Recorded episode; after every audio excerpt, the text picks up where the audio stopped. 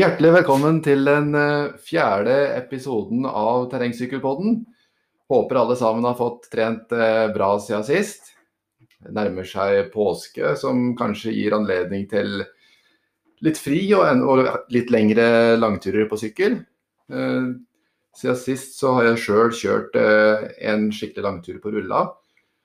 Det var det var kanskje litt langtekkelig å sitte i mellom tre og fire timer eh, inne i et rom på en sykkelrulle, men ordner man seg med litt eh, filmer og litt mat og ja, jeg pleier faktisk å ta med meg litt kaffe òg, så går jo disse her eh, tima relativt greit allikevel. Så eh, tenkte jeg skulle høre litt med deg, Erlend. Hvordan har treninga di gått siden sist? Jo, det har gått bra. Det syns jeg har vært en fin tid. Nå kan man kombinere uh, skiturer ute i fint vær, samtidig som du har muligheten å ta sykkeltur når det også er vær for det. Så det er en ypperlig tid for mye god trening. Og vi får jo også en gjest i dag som skal snakke litt om uh, terrengsykkeltrening gjennom mange år. Hvordan de trente før, og hvordan de unge lovende terrengsyklistene trener i dag. Så det blir veldig, det blir veldig spennende å høre hvordan det har utvikla seg ja, vi kan vel røpe såpass som at han er lærer på Norges toppidrettsgymnas på Kongsvinger.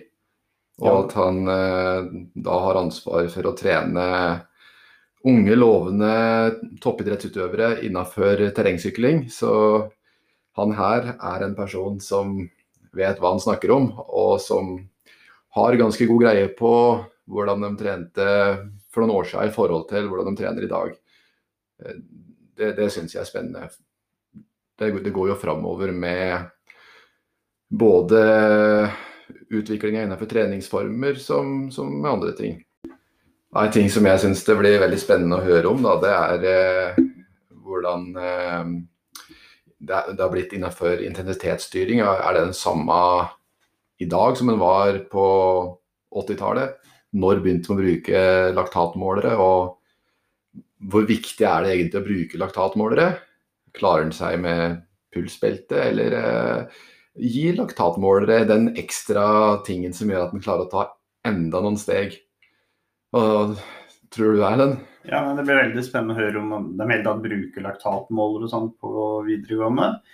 Og så blir det veldig spennende å høre om eh, hvordan en praktiserer det med at elevene er på forskjellig nivå.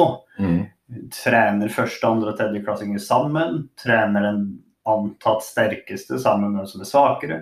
Hvordan løser de det i, i, hverdagen når de er ute og sykler? Ja, man må jo gå ut ifra at uh, uh, utøvere der er på forskjellig nivå. Alle er ikke like gode. Så, så uh, de er jo nødt til å, å, kjøre på forskjellige fart egentlig da, på langturer. Det, det skulle en jo egentlig tro, men det er ikke sikkert de gjør det. Nei, det blir veldig spennende å høre hvordan det lar seg løse i hverdagen. Ja. Og håper at vi kan dra nytte av det sjøl òg.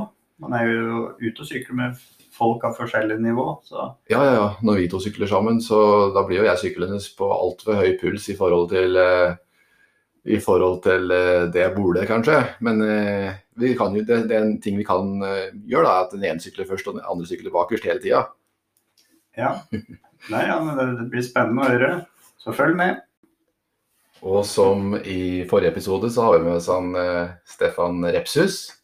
Han er, eh, som alle vet, eh, aktiv syklist og trener på NTG på Kongsvinger, på terrengsykling.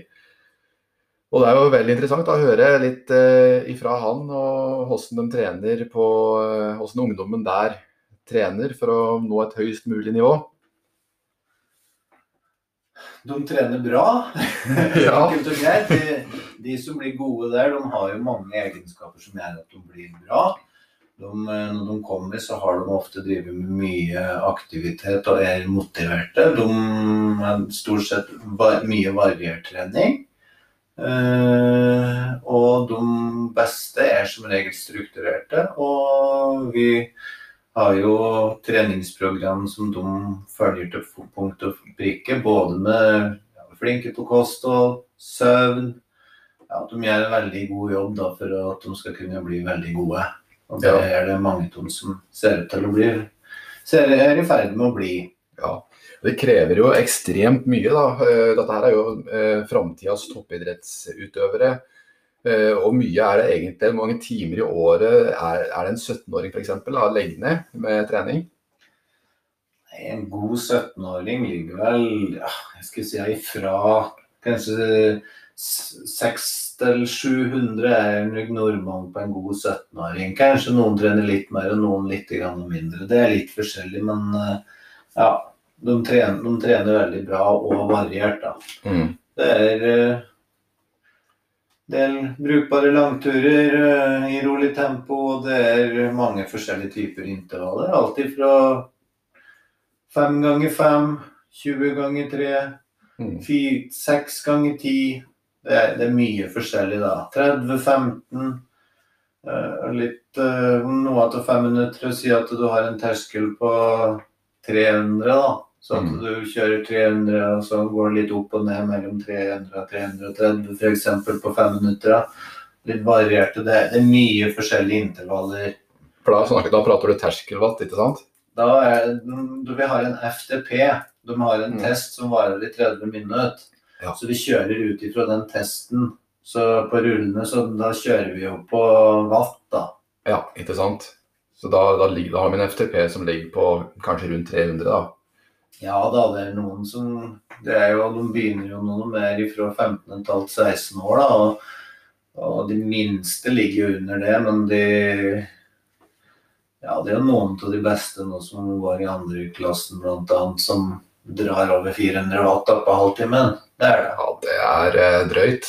Det tror jeg jeg skal så langt etter. Men eh, Tror ikke du klarer det på en halvtime i hvert fall. Nei, det tviler jeg på.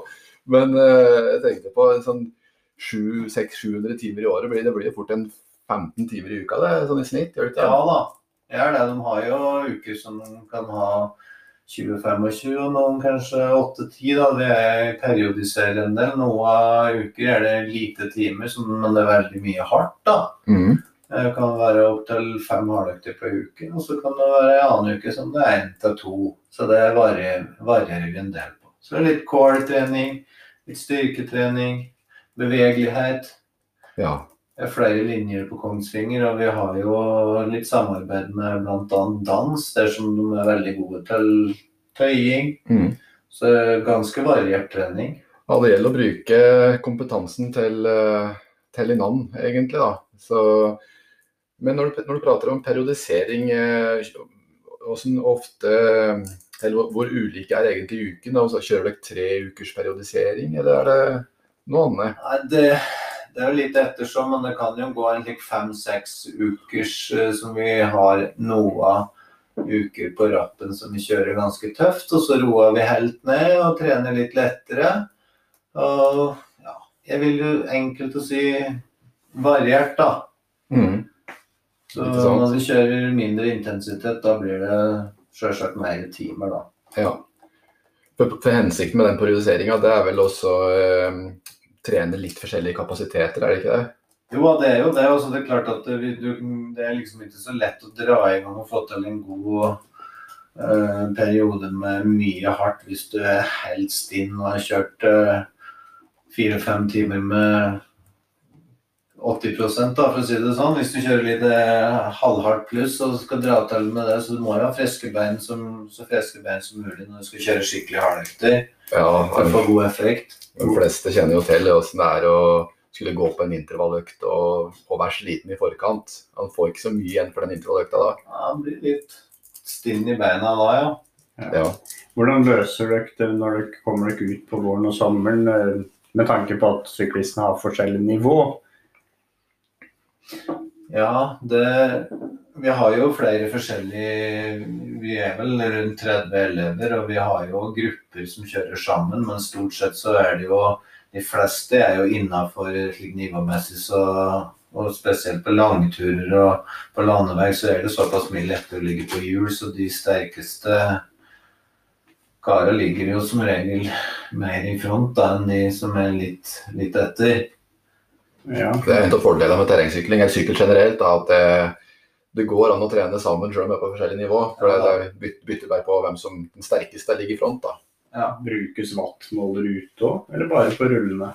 Det er mest på rullene, men eh, gutta har jo sitt eget utstyr. Og noen eh, prioriterer å bruke en del kroner på å ha, ha wattmåler og wattkrank på sykkelen sin. Og er veldig Ja, styrer intensiteten mye etter det, da.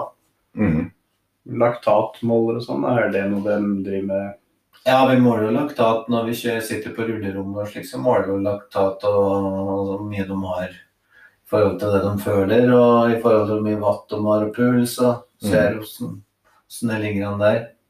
Ja. Er det noen som ikke bruker noe sånt i det hele tatt, da?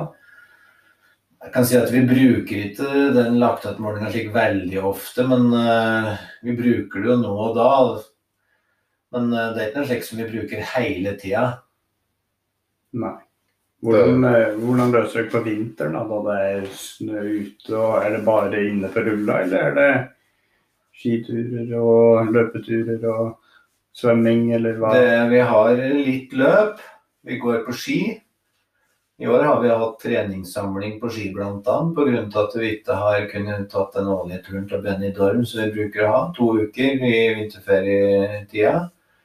Så i år har vi vært på Nordseter og gått på ski ei uke, og det, det funker bra, det òg.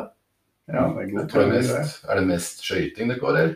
Det er begge deler. Fleste går, det er jo ikke alle som går på NTG på sykkellinja som har gått mye på ski. Det er folk fra hele landet. Og, Ja. og alle er ikke gode til å gå på ski, så de som ikke har gått noe særlig på ski, i hvert fall, de går jo klassisk. Ja, Og de får vel uansett påvirke hjerte-karsystemet, eh, som er på en måte et av hovedmåla. Ja da, du får god trening uansett. På sommeren er det mye fokus på teknikktrening ute i terrenget. Ja, vi prøver jo å dra i forskjellige løyper og trene litt på det tekniske og kjøre, kjøre hardt der som det er litt vanskelig, da. Og nå har vi faktisk ansatt en teknikktrener som skal være med og hjelpe til litt ekstra på det. For det for min del så som har pratet litt om på en annen episode, så den, det med det tekniske det har jo i en helt annen verden enn det det var når jeg drev på. Så jeg kan si på det, det mest finslepne tekniske, så jeg ikke Så føler jeg at jeg ikke er såpass oppdatert så at jeg kan drive med det alene. For disse syklistene her, de er, mange er jo mye bedre enn meg teknisk. Og vi har jo fått inn litt spesiell kompetanse på det, så vi skal øve litt ekstra på nå utover. Mm. Da, da, er de, da er de gode, for det, du jeg, synes, jeg har jo sett deg i tekniske partier, og du kjører jo veldig teknisk, syns jeg. Så da er det tydelig at det, den, det blir mer, har vært mye fokus på akkurat den biten der òg, i tillegg til å utvikle sjølve kapasiteten. Ja, og Det er mange, mange måter å kjøre teknisk på. Da. Det, jeg vil jo si at På visse områder så kjører jo bra teknisk, men det er når det kommer til litt, eh, litt mer spesielt som dropp og hopp og litt uh, sånne ting. da, Så det er litt mer sånn spesialkompetanse akkurat på det. Men sånn generell teknikk så føler jeg at jeg er ganske bra med. da. Mm. Tror du at lek på sykkel i ung alder kan spille inn der? Det var et veldig bra spørsmål, for det har veldig, veldig mye å si. Det ser du på Ja. De som, vært, de som har vært mest glad i å leke på sykkelen, og de som er flinkest på det, har i hvert fall en kjempefordel på terrengsyklinga, men òg på landeveissyklinga. Så det ser vi jo på Vi ser jo på sagaen om drar den på bakhjulet, og det er jo ja, det er mange med veldig god teknikk, og sånn som van der Poel som ja, vinner alle typer ritt, eh, både i terreng og på landevei. Og det er klart at det er sånne som de har lekt mye i ungdommen, det ikke bare blodtrimning av motoren. Det er mye lek inne i bildet. Mm. Det er Ja, det har de veldig mye igjen for. I Frankrike òg så er de jo, har de veldig fokus på akkurat dette her. Eh, så det har de vel mange av de, de, store, de store sykkelnasjonene så satser de på at unge skal leke mye på sykkelen eh, i tidlig alder. Jolanda Neff f.eks. er jo et eksempel på hvor god han kan bli da, med, med mye lek i tidlig alder. Så vi ser jo liksom i forhold til ski, da, som Norge er jo ekstremt gode på, på langrenn. Og her har vi jo denne skileken, som vi kaller det. Der unga dras ut på, på skilek. Eh, og det er alltid fra å drive med forskjellige sistenleker til, til litt hopping og litt slalåm og litt sånn forskjellig. Så hvorfor ikke dra inn det samme på sykkel? I, i, ha sykkellek. Det kunne vært noe å satse på i, i klubber rundt omkring i Norge. En del av klubba jobber litt med det. I hvert fall sånn eh, det, det er vel det å ha Det er jo mye foreldre som, som, som er hjemme, da. Og det er klart at det er jo diverse der. Men de som eh, Dersom det er ganske gode syklister som er hjemme i miljøet og slik, det driver de en del med det. Mm, Så det, det, er mange, det er mange som jobber bra med det. Ja. Nei, for liksom I skinasjon Norge så har jeg liksom inntrykk av at det blir veldig mye sånn skilek. Men eh, det er jo veldig artig og bra da, om, eh, når, når jeg hører at klubba rundt omkring har begynt å jobbe med det. Ja. Så det er jo kjempebra. Men sånn eh, tilbake til eh, dagens trening og dagens, eller framtidens toppidrettsutøvere. Eh, er det noen særlige forskjeller på treninga som ble gjort på ja, siden 90-tallet, da, kontra det som er vanlig på, innenfor sykling i dag? Jeg kan si Hvis jeg skal prate for meg sjøl på min egen sykkeltrening, så er jo den forholdsvis annerledes enn det som vi driver med på NTG. Da. Det er det jo. Ja. Jeg begynte ikke å sykle før jeg begynte å nærme meg 30 år. og Jeg begynte med sykling for jeg syntes det var moro. Altså, at det bare ble sånn. Så jeg bare drev og seilte min egen sjø. Kjørte noen runder, så hvor fort jeg sykler. Og så kjørte jeg noen langturer og var med litt på Trondheim, Oslo og begynte med ja, bare sykle. da, Så begynte jeg å kjøre litt ritt etter hvert. og ja, Bare dreiv på og dreiv på. Egentlig veldig Skal vi si det har jo egentlig vært en rød tråd uten at jeg har tenkt for mye på det. For jeg har jo vært flink til å kjøre meg hardt og mye. Mm. Jeg husker for en del år siden så var jeg med på et ritt i Sverige som jeg tror det var svensk mesterskap det året. Da var det med en som ja, Gustav Larsson, og han har vel vært nummer to i tempo både i VM og OL etter kanskje Lara, om jeg ikke tar helt feil. Jeg spurte han hvordan han trente, og det han sa var at han trente mye og hardt. Ja, stemmer. Så, nei, men det er, mange måter, det er mange måter å bli bra på. Så det er liksom i Jeg tror ikke det er noen fasit at trener du sånn, så blir du så og så god. Det, det er mange måter å bli god på. mm, det er det. Den norske modellen da, innenfor utholdenhetsidrett, den, den handler om 20 eller 80-20. Altså de sier at 20% av treninga skal være eh, hardt, eller, eller styrke f.eks. Og 20% av treninga Nei, jeg mener 80% av treninga skal være eh, sone 1, da. Ja. Eh, er det nå som Og det dette er en ganske gammel modell som har vært brukt i mange år. Er det noen, er det noen utviklinger som går en annen retning nå enn en, den? En, en. Jeg tror egentlig at det, hvis du tar den der eh, prosentandelen der, så kommer du sikkert ganske nær fasiten på de fleste. For at hvis du har kjørt en del hardt, så da kjenner du det såpass på kroppen så at da må du trene rolig for at du skal orke å kjøre mer hardt. Og sånn uten at vi tenker over det, de fleste av oss som trener en del. så hvis vi regner sammen, så tror jeg ikke at det er så langt unna der det ligger. For har vi kjørt kanskje to-tre hardøkter på en uke, da, si at vi har brukt eh, to timer på det til sammen, så ja, jeg vet ikke hvor mange timer vi trener men vi trener kanskje 12-14 timer i uka, si to timer om dagen, da, 14 Mm. timer i uka. Og da to og en halv time til de kanskje er maks det som er hardt, da. For noe mer orker du kanskje ikke. Nei. Men altså, er den, eh, den rolige treninga, har du veldig fokus på at den skal være veldig rolig, eller er det bare for å kjøre og bare kjenne på følelsen, egentlig? Jeg, jeg kjører egentlig mye på følelsen, men det ligger sånn på pluss-minus 60% og maks. Ja, Så du kjører med pulsmåler? Ja, jeg kjører med pulsmåler, men jeg kan si at jeg bruker den ikke aktiv og tenker at når jeg kommer opp den bakken, så skal jeg ikke over ditt og datt. Nei. Men uh, det ligger omtrent på det samme hele tida, og slik prosentmessig så er det det som står i boka, uten Ja. at jeg tenker for mye over det. Det er det. Det er jo det som kalles sone 1, da. Ja. Men uh, ser treningsuka di annerledes ut i oktober kontra før uh, store ritt? Gjør du noen forandringer da? Ja, hvis det er et ritt som jeg skal satse på, så hvis jeg så, så tenker jeg jo Jeg bruker faktisk eh, tankevirksomheten mye inn mot det rittet. Så jeg tror at det ligger en del på det mentale. Men eh, jeg kjører jo kanskje mye mengdetrening når det er at en inntil en par uker i hvert fall, og så drar på litt mer med intervall og litt mer hvile og mindre timer inn mot det. da. Og to til tre dager før en ordentlig god hardøkt. Og så har jeg jeg har ikke gjort det så mye det siste året, men jeg har jo kjørt litt bak bil. da. At man tester på så og så fort og i visse traseer og, og fort jeg vet når jeg er i form, da. Så har jeg noen tempotester som jeg driver kjørt litt grann av. Ja. Så Mm. Jeg fatter med formtopping. Det er jo en, en ting som, er, som jeg syns er veldig spennende. Det at du må klare å være i form eh, når du skal være i form.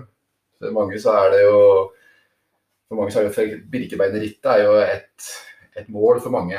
Eh, Og, vil, og ønsker å være i god form eh, på, på Birkebeinerrittet. Hvordan ville du lagt opp eh, en sånn formtopping da?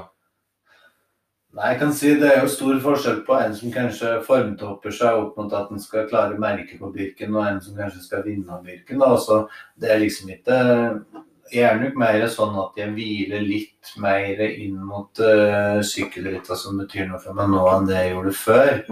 Jeg har et eksempel på en av de beste birkebeinerne mine, som var da i 2003, som jeg prater på her. Da ble jeg jo på pallen Mm. og var i nærheten til seieren. Og da sammen med en kompis da, så sykler jeg herifra Rena altså til Lena på Toten. Ja.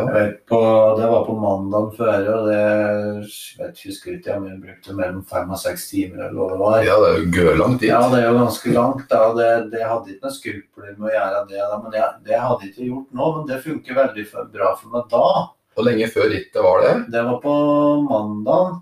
Og rittet var på lørdag? Om rittet var på lørdag. Men det, jeg så en liten parallell på dette her nå. Nå har jo Vasaloppet gått nå. Mm. Og jeg har jo sett på de beste på Vasaloppet. Om det var om søn, sist søndag eller mandag, så hadde de måka på med ganske mange timer også før det Vasaloppet som var gått. Ja. Så det var jo egentlig litt den oppskrifta virker som de brukte da, som jeg gjorde da, uten at jeg tenkte på det som er oppskrift. Men det, det funker veldig bra da. Ja, jeg så at Marit Bjørgen hun hadde vel hatt en sekstimers eh, mandagen før, var det ikke det? Ja, det vil si seks dager før. Det, for meg så ble dette fem dager før. da. Og det, også Hvis du roer ned litt grann da, og så bare får kjørt litt ja, Sprit opp beina litt grann om slutten, så virker, virker det som at det kan være en god, en god plan. Ja, det, Det er jo ingen fasit. og så lenge mange bruker det, av de, av de veldig høyt oppi der, så er det jo noe som sannsynligvis er ganske gjennomprøvd. Ja, jeg har trua på det til de som er, i veldig bra form. Jeg skal si, har du, Sykler du to til tre ganger i uka og ja, si fem timer i uka, da, og så må du klare merket på Birken, så tror jeg ikke du skal dra til med en fem-seks timers på mandag før. Nei, det går an å ta en light-versjon på det. Da må du kanskje ta en light-versjon, ja. Hvis en er vant til å kjøre to-tre ganger i uka, så at en kanskje da tar en eh, Si han tar en totimers, da.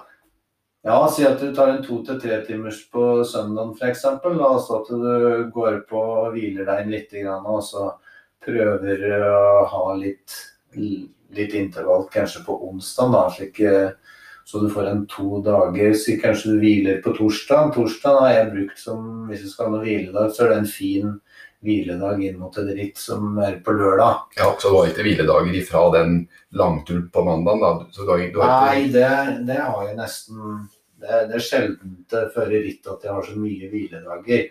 Jeg er småsliten og slik, så justerer jeg meg inn litt med litt kortere turer og trenger en hviledag. Så, og hvis det passer inn i alt annet, så blir det stort sett på torsdag. Da så er det ja, gå over alt utstyr og sjekke at alt er i orden, og så er det litt grann, ta litt grann på fredagen.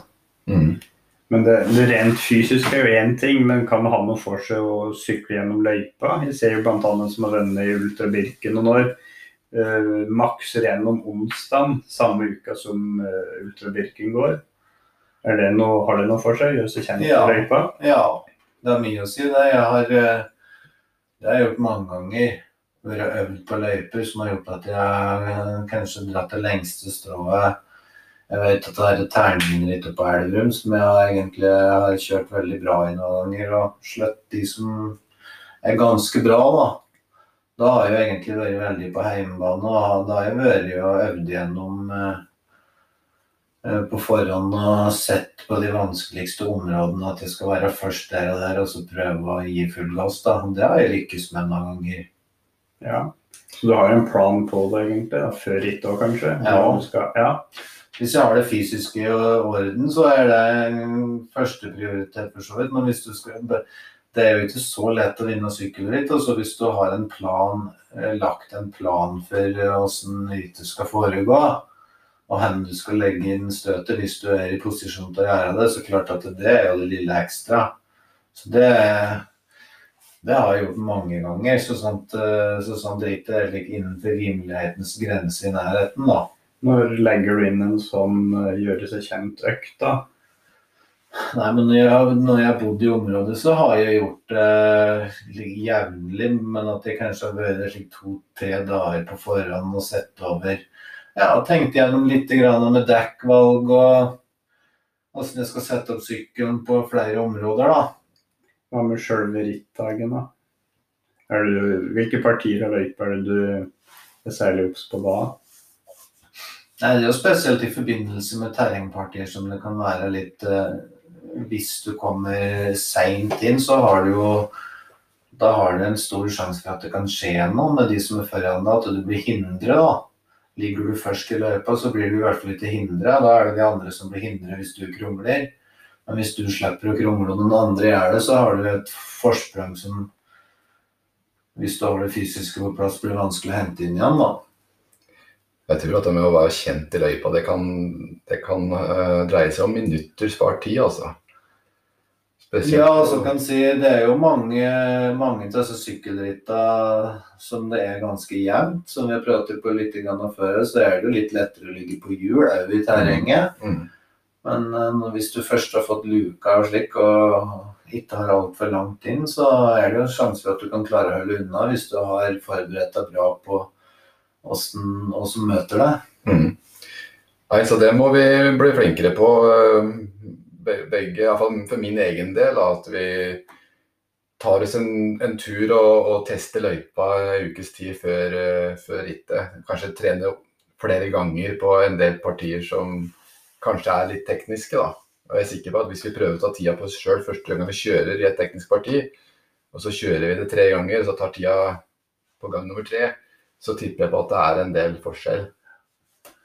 Hvis vi tar det der med birkebønder, som de fleste kjenner. Nå har jeg kjørt den alle ganger, og noen ganger så har jeg vært i posisjon til å være med i front. Og de gangene så Det er jo alltid noen som er sterkere enn meg der. Det er jo en, kanskje 10-20 stykker som kan fort være det. Men ofte så har jeg klart å dra det til min fordel blant mange av de allikevel. Og det er sånne ting som at eh, med utveksling bl.a. Jeg har satt opp uh, sykkelen min med ganske høy utveksling med tanke på f.eks. å komme først uh, inn i terrenget på Djupose. Mm. Da lurer jeg meg på om jeg ikke klarte tre ganger tre år på rappen. Så du tenker så detaljert, altså? Ja, for klart at hvis det er, hvis det er 15 mann som kommer dit, da, og 8-10 av dem er litt sterkere enn deg Mm. Hvis du ikke er med gjennom det partiet, så er løpet kjørt. Ja, ikke sant? Ja, men hvis jeg klarer å komme først inn der, så har jeg litt å skli på. Så da kanskje jeg klarer å, at det kanskje kommer bare tre til fem mann forbi meg gjennom der som jeg klarer å hekte meg innpå. da. Mm. Kontra at jeg kommer inn som nummer sju, og så at det er fem av de foran meg er sterkere enn da, så da blir det jo da blir det noen luker som ikke klarer å tette. Mm. Og de taktiske valgene der, da, de, de kommer eh, på bakgrunn av at du har eh, god kunnskap om traseen. Ja, Vet nøyaktig hvor den plassgasjen er hen. ja. Det er sånn som at når du kommer når du skal inn i, i bratte bakker, slik at du tidlig inn i bakken, så at du har litt grann av felt å skli på. Mm. Og hvis du klarer det, så bruker du egentlig kreftene dine riktig, da. Ja. ja, det er kjempeinteressant, og det er slike ting som jeg personlig eh, ikke har tenkt så mye på, men som jeg kan bli flinkere på framover, sikkert. Hva tror du, Erlend? Jo da, vi kan alle bli flinkere på, på sånne ting, ja. Ja, nå har jeg drevet med terrengsykling i 8-29 år, da. Du, eh, Ingar, har vel nesten akkurat begynt, men du er, jo, du er jo på vei oppover. Og dette der kommer det når du får kjørt mer ritt. Og så kjører du et ritt, og så tenker du at fader, hadde jeg klart å være føre han akkurat der, da hadde jeg klart å henge på han. Ja, det er slik en lærer til. Så lærer til å kjøre ritt. Så slik sett så skulle jeg kanskje ønske at uh, mange, mange flere kunne se på ritt som en del av treningsarbeidet sitt, og ikke liksom bare skulle måtte på død og liv prestere hver gang, men at en deltar på ritt for å trene. Nei, det, det er en treningssak å trenes opp til å kjøre ritt der, for å si det sånn. Da. For det, hvis du gjør det mye, så er det litt mindre skummelt enn hvis du uh, setter inn uh, alt på et kort. At du f.eks. bare skal kjøre Birken og har et mål om å prestere sånn og sånn. og da kan det fort bli at du legger litt mye press på deg sjøl. Så hvis Mm. du er med på mange ritt og er flink til å være med kompiser på litt treningsritt, og slik, så tror jeg det blir litt mindre, mindre farlig. Ja. Ja, jeg tror det. Jeg tror den her terskelen for å, for å være med blir eh, mindre. Det er nesten det samme som eh, å grue seg til hardøkter. det. Har du kjørt nok hardøkter, så gruer du deg ikke så, så mye lenger. Jeg er vant til den følelsen. Det er vel sånn Ellen, at det har vi begynt å glede oss til. vi Ja, nå i det- stedet. Det er jo sånn. Så jeg vil jo absolutt anbefale å delta på mest mulig. Det er jo veldig synd da, hvis du skal delta på ett ritt et år, og da punkterer du. Ja, da er jo på en måte sesongen spolert på grunn av én punktering. Ja. Ja. Nei, men det må jeg si var veldig interessant å høre hvordan uh, treninga har utvikla seg gjennom alle de årene. Både i forhold til utstyr og i forhold til at man tar hensyn til de forskjellige nivåene man er på. Og eh, hvis, hvis vi nå skal gå vekk fra det og heller presentere en økt vi har litt sansen for sjøl, så vil jeg presentere eh, at man lager seg en testløype. Er Gjerne ute i terrenget, en liten runde på noen kilometer. Der du med en gang i måneden, eller at du bestemmer for et intervall, at du sykler gjennom det du klarer og ser. Har du forbedra deg eller ikke? Og så uh, justerer du treninga i forhold til det. Så det trenger ikke være noe Det skal ikke være for langt, for det skal, det skal være en økt du kan ta inn en normal treningsuke. Det skal ikke kreve noe hviledager og den slags. Men la oss si at det er en 10 km løype i sånn lett krevende terreng, da, f.eks. Mm. Og du Ingar, har du noe Ja, det, nå har vi jo presentert så mange av disse favorittøktene våre, så jeg begynner på en måte å bli, bli, litt tom for favorittøkter. Men jeg har litt lyst til å presentere en økt som jeg har eh, lyst til å prøve. Eh, den ligner litt på den du forteller, men det er, det er en intervalløkt, det òg. Eh, det begynner å bli bart, og jeg har brukt vinteren på å se litt på kart og fantasere litt om hvor det kunne vært morsomt å, å trene. Jeg vet sjøl at jeg er eh, Jeg har masse forbedringspotensial når det gjelder eh, utforkjøring eh, i litt krevende terreng. Jeg er litt pinglete på akkurat det greiene der. Så jeg har funnet meg en runde der det er en klatring som er ja, to-tre minutter vil jeg tro det tar å komme opp dit. Kanskje, kanskje litt mer. Eh, derifra så går det en sånn hjullastervei. Eh, ganske bratt og svingete, og det, er eh, utfordrende å kjøre der, vil jeg tro. Så, så, så, de- så den eh, vil jo komme på en måte i etterkant av det draget. Eh, og når jeg har kjørt ned den, så er jeg nesten tilbake til utgangspunktet. Så da får jeg trent eh, både oksygenopptak og, og kondisjon, og i tillegg så får jeg, får jeg trent på det jeg er dårligst på, nemlig teknisk utforkjøring. Ja, men så da er det bare ut og sykle. Så må vi si takk for at du lytta på, og håper at du vil høre på neste episode òg. Vi kommer ut hver mandag. Ja, så neste mandag, da er det da er det en ny episode. Så Vi høres. vi høres. Ha det bra.